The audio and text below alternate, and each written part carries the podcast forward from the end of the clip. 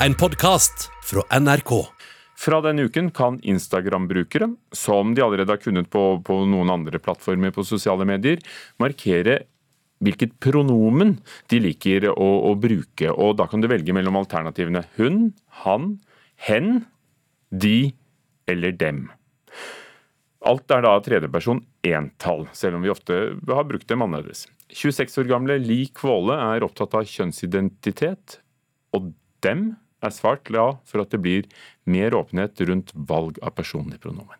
Jeg bruker de, dem. Det har jeg gjort siden jeg var ca. 17 år gammel. Li Kvåle føler seg verken som en gutt eller som ei jente. Det kaller en for å være ikke-binær. Da jeg kom ut som ikke-binær, så måtte jeg vurdere hvilke pronomen jeg skulle bruke. Pronomen er viktig, for når noen skal si han eller hun om Li, hva skal en si da?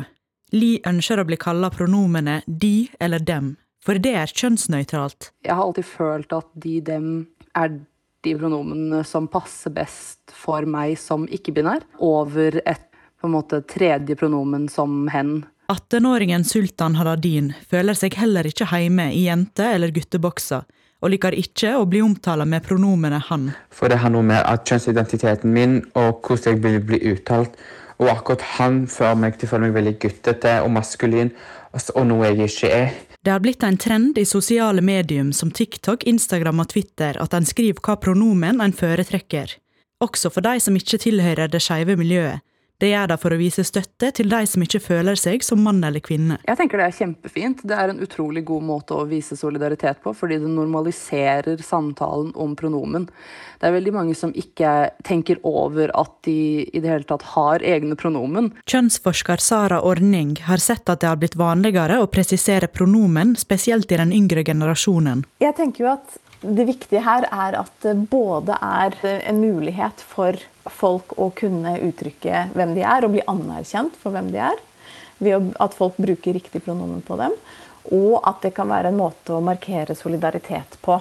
Eh, ved å også eh, synliggjøre at eh, vi alle bruker ulike pronomen, og at det er en del av en større rettighetskamp. For å vise respekt og se folk for den de er, stiller Sultan Hadadin alltid dette spørsmålet når han møter nye folk. Når jeg møter folk, så spør jeg alltid hva de heter som navn, og pronomen de bruker. Men hvor lett er det egentlig å bruke kjønnsnøytrale pronomen i Norge i dag? Det er litt vanskelig å si. Det er definitivt blitt mer normalisert å snakke om det i forhold til eh, for ti år siden, men det er jo fortsatt en lang vei å gå.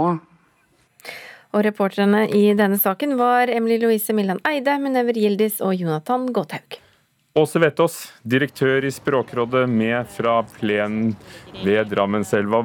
Det å velge personlig pronomen, vil du si at det er et personlig valg? Det er helt klart at eh, det vil være normal høflighet å respektere enkeltpersoner sitt ønske om å ikke bli kalt hun eller han, hvis en ikke kjenner seg hjemme i noen av de kategoriene. Men så er jo spørsmålet hva Eh, skal vi bruke isteden. Kan du forstå forvirringen? For f.eks. Eh, hen kan vi forstå, eh, ikke hun, ikke han, men hen. I Sverige ganske vanlig. Men de og dem er jo noe vi har brukt i flertall. Ja, og der vil eh, Språkrådet sitt eh, klare råd eh, være å bruke hen, nettopp av de grunnene som du nevner. Hen er i ferd med å bli veldig etablert i norsk, både som kjønnsnøytralt pronomen i entall, og som kjønnsoverskridende pronomen i entall. Mens eh, varianter de, de, dem signaliserer jo helt klart eh, flertall, og har allerede den betydningen. Så det blir veldig mye mer komplisert språklig sett å da bruke det òg i entall. Så, så hen vil være en, en klar anbefaling. Men det er ikke kommet inn i, i ordboken ennå? Jeg slo akkurat opp i bokmåls- og nynorskordbøkene. Men der eh, kan jeg fortelle at eh, Språkrådet sitt fagråd for normering og språkobservasjon har eh, kartlagt bruken av hen. Vi må huske på at dette er det språkbrukerne som bestemmer bruken av, og ikke, ikke Språkrådet. Men vi skal komme med veiledning om korrekte skriftformer når ord er så mye i bruk at det trengs. Og vårt fagråd har jobba med den saken, og, og spørsmålet om ja, objektform, genitivform, hele bøyingssystemet systemet for eh, et kjønnsnøytralt og kjønnsoverskridende pronomen hen kommer ut på høring antagelig denne høsten. Så hvis det er sånn da, som du antyder at språket er en levende organisme, og det er vi som bruker det alle sammen, som til slutt eh, bestemmer ved bruk hvordan det blir, så, så kanskje også du vil komme til å ta feil når det gjelder de og dem, at det blir som i engelsk, da, hvor det er they, vanlig også som et personlig pronomen i entall? Det er selvsagt uh, mulig, men som sagt så uh, tror vi at uh, det vil være enklere å velge et, et, pronomen som allerede ikke er fylt med flertallsinnhold, for å da karakterisere eller bruke som om enkeltpersoner med da et ønske om å ikke bli omtalt som hun eller han. Så får vi se og følge med. Men tror du også, vet oss, at det kommer til å bli helt vanlig? At, ikke, at dette ikke blir eh, noe som er på tvers med språkfølelsen til, til mange? Pronomensystemet er jo et lite og lukka system. og Derfor ser vi at det har tatt tid for hen som kjønnsnøytralt og kjønnsoverskridende alternativ å etablere seg. Men det har skjedd, det har skjedd veldig mye på noen få år, på ganske kort tid. Og eh, jeg tror at eh, hen nå er i ferd med å bli så etablert at eh, det vil, det vil oppleves som en eh, alminnelig integrert del av språket til flere og flere. Men sånn historisk sett og etymologisk sett, er det sånn at når vi sa han eller fylkesmann, så tenkte vi på, på hannkjønn, eller var det mer allment om, om mann og menneske? Nei, Han har jo eh, pekt på personer av eh, hannkjønn. Eh, mann er en litt annen historie hvis en ruller veldig langt tilbake i tid. Men det vi må se på, det er jo betydningen disse ordene har i språket nå. Det er det som er relevant for nåtidsbruken. Det må være en spennende tid å være språkdirektør også, vet du oss. Absolutt. Takk skal du ha. Hvilke pronomen velger du deg? Jeg velger meg øh, Om meg sjøl så syns jeg det er helt greit at eh, andre sier hun og henne. Da sier vi det sånn. Både i subjekt og vekstform. Takk. Ja. Så til ja, det som ja, kanskje er verdens dyreste maleri. Eh, og gjemt vekk annen, et eller annet sted i Saudi-Arabia er det, nemlig verdens frelser av Leonardo da Vinci, kulturreporter Emily Louise Milan Eide. Eller hvordan er egentlig dette her? Det er mange myter rundt verdens frelser. Et maleri av Jesus i en blå renessansekjole. Han løfter ene handa og krysser fingrene som et symbol på korset. Men ingen i kunstverden kan med sikkerhet si hvor maleriet er. Men de fleste er enig i at det er en plass i Midtøsten. Men er det egentlig en ekte da Vinci? Auksjonshuset Christies de solgte maleriet for 450 millioner dollar i 2017 og kaller det for en siste da Vinci. Kjøperen var kronprinsen i Saudi-Arabia, Mohammed bin Salman, og siden den gang har ingen sett maleriet. Men sjøl etter det salget så tviler ekspertene på om høgrenessansekunstneren sjøl hadde mala, eller eh, om det var bare et par strøk som var hans. Og så er det to nye dokumentarer. Lost Leonardo og Savior for Sale, Da Vincis Lost Masterpiece. Og forteller altså om dette mystiske maleriet og jakta etter det. Mm. Maleriet ble jo laga på, eh, på 1500-tallet, og det var sporløst forsvunnet i over 200 år. Det var ødelagt og hadde fått en veldig dårlig restaurering. Men så dukka det plutselig opp på et auksjonshus i New Orleans i USA i 2005, der kunst, to kunsthandlere fra New York kjøpte det for en veldig liten sum. Og der eh, ble det også restaurert, eh, og det ble fjerna flere tiår med, med skitt og nye lag eh, med maling. Og Diana Modestini, som altså gjorde denne restaureringa, hun var den første som kanskje mistenkte at det kunne være en, en ekte da Vinci. Hun brukte flere år på å restaurere maleriet, og hun er helt sikker på at det er ekte. For bare Leonardo kunne male munnen på den måten. Eh, I dag mener de fleste ekspertene at eh, en av assistentene til Leonardo maler bildet, og at Leonardo sjøl kanskje maler de siste strøka, noe som var veldig vanlig praksis på den tida. Kritikerne de sier at maleriet ikke engang er spesielt bra, i alle fall ikke sammenligna med andre malerier av da Vinci. Så var det sånn at I 2019 så skulle altså Louvre stille ut dette maleriet, men eh, det dukka aldri opp. Kulturreporter Emily Louise Millan Eide, takk skal du ha. Fredag. I morgen er dagen for eh, kinopremierer, og nå kommer det en ny norsk komedie. 'Ingenting å le av'.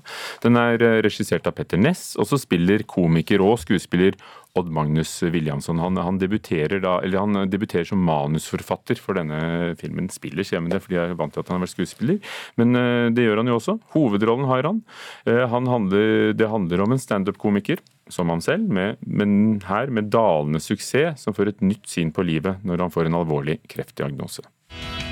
Du er komiker, er du ikke det? Uh, jo. Kan ikke jeg ta en vits? Ja, jeg dropper det, hvis det er greit. Vet du hva som er det verste med å få denne sykdommen? Folk slutter å være morsomme rundt deg. Det handler om å få en kreftdiagnose med den uh, kjente komikeren og Marte Hedenstad, vår filmkritiker. Vi forbinder det ikke med humor, men er det blitt noe å le av? Er det blitt en komedie som de vil? Ja, altså 'Ingenting å le av' er jo rett og slett en sort komedie. Um, og den klarer å skape humor ut av det som er mørkt og det som er fælt. Altså, uh, Odd Magnus Williamson uh, spiller jo da standup-komikeren Kasper, som uh, har liksom hatt stor suksess, men er på en litt sånn dalende karriere, og så mister han Eh, en stor gig. Han mister dama si, og han får kreftdiagnose litt sånn rett oppå hverandre. Eh, og filmen spiller da en del på dette med at eh, når du ikke trodde ting kunne bli verre, så blir det nettopp det. Og så har da Odd Magnus Wilhelmsen i sitt manus klart å skape humor ut av det. Og så er jo da litt sånn budskapet at det er lov å synes at livet er fælt når det er fælt. Det er lov å være forbanna, men skal du legge deg ned og gi opp av den grunn, liksom? Eh, og som vi hørte i, i, i lydklippet underveis her nå, eh, altså det at liksom det verste med kreftsykdommen er at folk slutter å være morsomme rundt deg. Eh, og det er jo akkurat det denne rollefiguren til Odda da tar tak i, eh, og, og klarer å skape et sånt ektefølt og morsomt eh, drama i denne komedien, som skaper da en veldig rørende film, som gjorde at jeg eh, gikk meget tårevåt ut av kinosalen etterpå tårer av både latter og, og, og ekte tårer. Absolutt. På et tidspunkt så sitter jeg og, og strigråter mens det tøyses eh, med ganske så grove ting på en standup-scene som jeg ikke kanskje skal nevne her nå.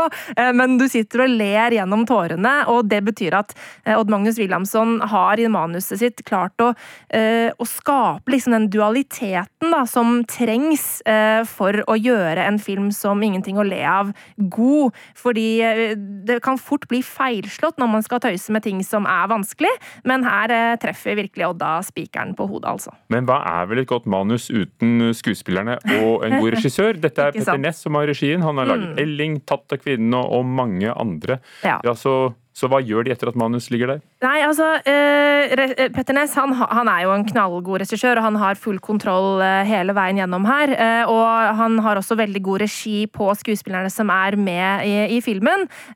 og der er det en, et herlig knippe med skuespillere som skaper litt sånn rollefigurer man blir glad i. spesielt så syns jeg Sara Korami er veldig god. Hun spiller brystkreftopererte Maria, som Kasper møter i en støttegruppe for kreftrammene, og hun er ganske drittlei av situasjonen, og hun er eh, ikke så veldig happy med hvordan eh, livet er, fordi det har vært veldig vanskelig. Eh, og sammen da så klarer liksom Kasper og Maria å på en måte bringe hverandre ut av skallet, og, Sara Korami og Odd Mallings Williamson har en helt nydelig kjemi sammen, eh, som rett og slett gjør at jeg ja, blir veldig veldig grepet av det som skjer. Eh, og så spiller også Øystein Martensen eh, agenten og manageren eh, til eh, Kasper. Erik Elisabeth eh, heter hen, eh, og er et herlig tilskudd eh, som også spiller på eh, morsomme ting og såre ting om hvordan det er å være født i feil kropp. Sånn at det er veldig mange elementer som spiller inn eh, i historien her, som gjør at ingenting å le av blir nettopp noe å le av, men eh, også noe å gråte av. På kino i morgen, Marte Hedenstad, på Filmpolitiets sider så har dere jo alle anmeldelsene eh, på ukens premiere og TV-serier og mer til. Eh, Du triller jo vanligvis terning, skal du Ja, gjøre det nå, gjør eller vil du bare la det stå sånn? Ja, det blir en terningkast fem fra meg. Du har hørt en podkast fra NRK. Hør flere podkaster og din favorittkanal i appen NRK Radio.